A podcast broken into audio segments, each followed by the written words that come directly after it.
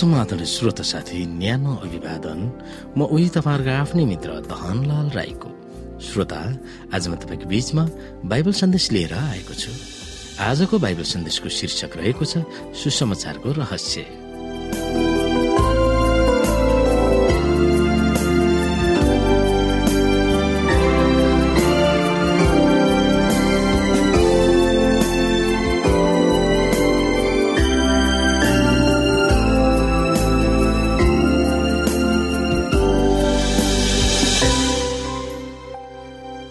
साथी यो सुसमाचारको रहस्य भन्ने बाइबल सन्देशमा हामीले अध्ययन गर्नुपर्ने बाइबलीय पदहरू रहेको छ।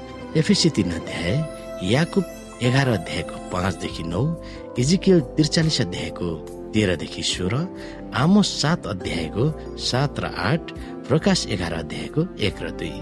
यस अध्यायमा हामीले सम्झाउनु पर्ने पद रहेको छ एफिसी तीन अध्यायको बिसदेखि एक्काइस। यहाँ लेखिएको छ उहाँलाई जसले हामीभित्र काम गर्ने उहाँको शक्ति अनुसार हामीले मागेको वा चिताएको भन्दा ज्यादै प्रशस्त मात्रामा गर्न सक्नुहुन्छ। यस अध्यायमा हामीले सम्झनु पर्ने पद रहेको छ एफिसी तीन अध्यायको बिस र एक्काइस। यहाँ लेखिएको छ उहाँलाई जसले हामीभित्र काम गर्ने उहाँको शक्ति अनुसार हामीले मागेको वा चिताएको भन्दा ज्यादै प्रशस्त मात्रामा गर्न सक्नुहुन्छ। उहाँलाई नै पुस्तौँ पुस्तासम्म मण्डली र ख्रिस यसुमा सदा सर्वदा महिमा होस्। आमेन।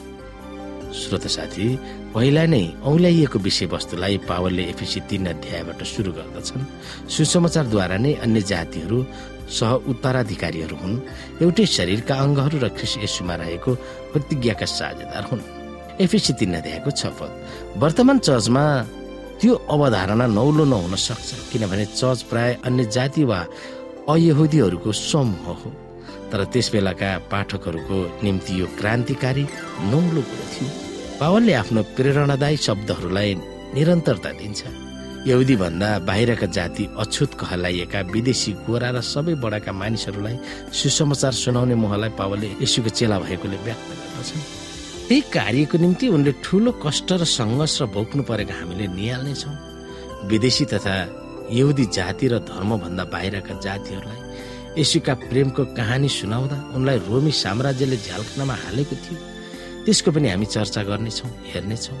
सुसमाचारको मुटुमा रहेको रहस्यप्रति आफ्नो प्रतिबद्धता जनाएको पनि हामी सुन्नेछौँ। अन्य जातिहरू पनि दाजुभाइ र दिदीबहिनीहरू सर चर्चमा समावेश भएर बराबरीमा रहनु सुसमाचारको रहस्य नै हो। चर्च र यसको जगतव्यापी लक्ष्यप्रति उनी जोसिलो भएको पनि हामी अनुभव गर्न सक्छौँ। उनले गरेको प्रार्थना हामी सुन्नेछौँ। चर्चद्वारा उहाँको अनुग्रह व्यक्त गरेकाले उहाँको स्थिति प्रशंसा गरेका हामी हेर्न सक्छौँ। छोटकरीमा भन्ने हो भने सुसमाचार प्रति पावलका मोहले हामी पनि उत्साहित भएका छौँ। श्रोता साथी रोमी साम्राज्यले पावललाई झ्यालखानामा हाल्दाखेरि उनले आफ्ना चर्चहरूलाई कहिले बिर्सेनन्? चर्चमा रहेका पाठक वर्गलाई चर्चमा रहेका धार्मिक वर्गलाई जहिले पनि चिठी पत्रद्वारा मानिसहरूलाई झकझकाउने र परमेश्वरको प्रचार गर्ने सधैँ काम उनले गरि नै रहे। चर्च प्रतिको मोह उनमा चाहे झ्यालखानामा होस् चाहे जुनसुकै अवस्थामा होस् उसले गरि नै रहेका हामी पाउँछौँ। परमेश्वरकै चर्चा गरेर नथाक्ने पावलले मानिसहरूको आत्मिकी रूपमा उत्थानको निम्ति धेरै पत्रहरूद्वारा मानिसहरूलाई जागृत गराएको कुराहरू हामी बुझ्न सक्छौँ। उनले दाजुभाइ दिदीबहिनीहरू चर्चमा समावेश भएर बराबरी रूपमा सेवा सङ्गति गरून् परमेश्वरको महिमा गरून् र स्वर्गको ढोका खोलुन् भन्ने उसमा उत्कृष्ट इच्छा भएको हामी यहाँ पाउँछौँ। उसले आफू मात्रै स्वर्ग जाने आफूले मात्रै परमेश्वरको महिमालाई बुझ्ने कहिले पनि गरेनन्। सबै मानिसहरू बराबरी हुन् सबै मानिसहरूलाई परमेश्वरको महिमामा पुर्याउनु उसको दायित्व र कर्तव्य उनले सम्झेका थिए।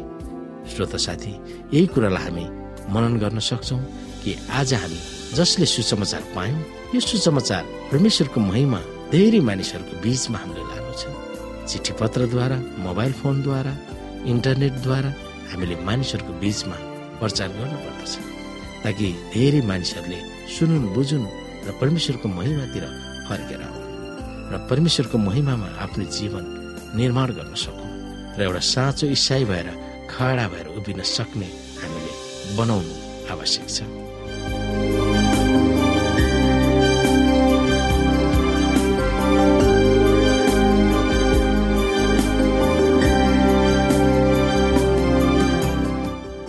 साथी आजको लागि भएको सन्देश यति नै हस्त नमस्ते जय मसिंह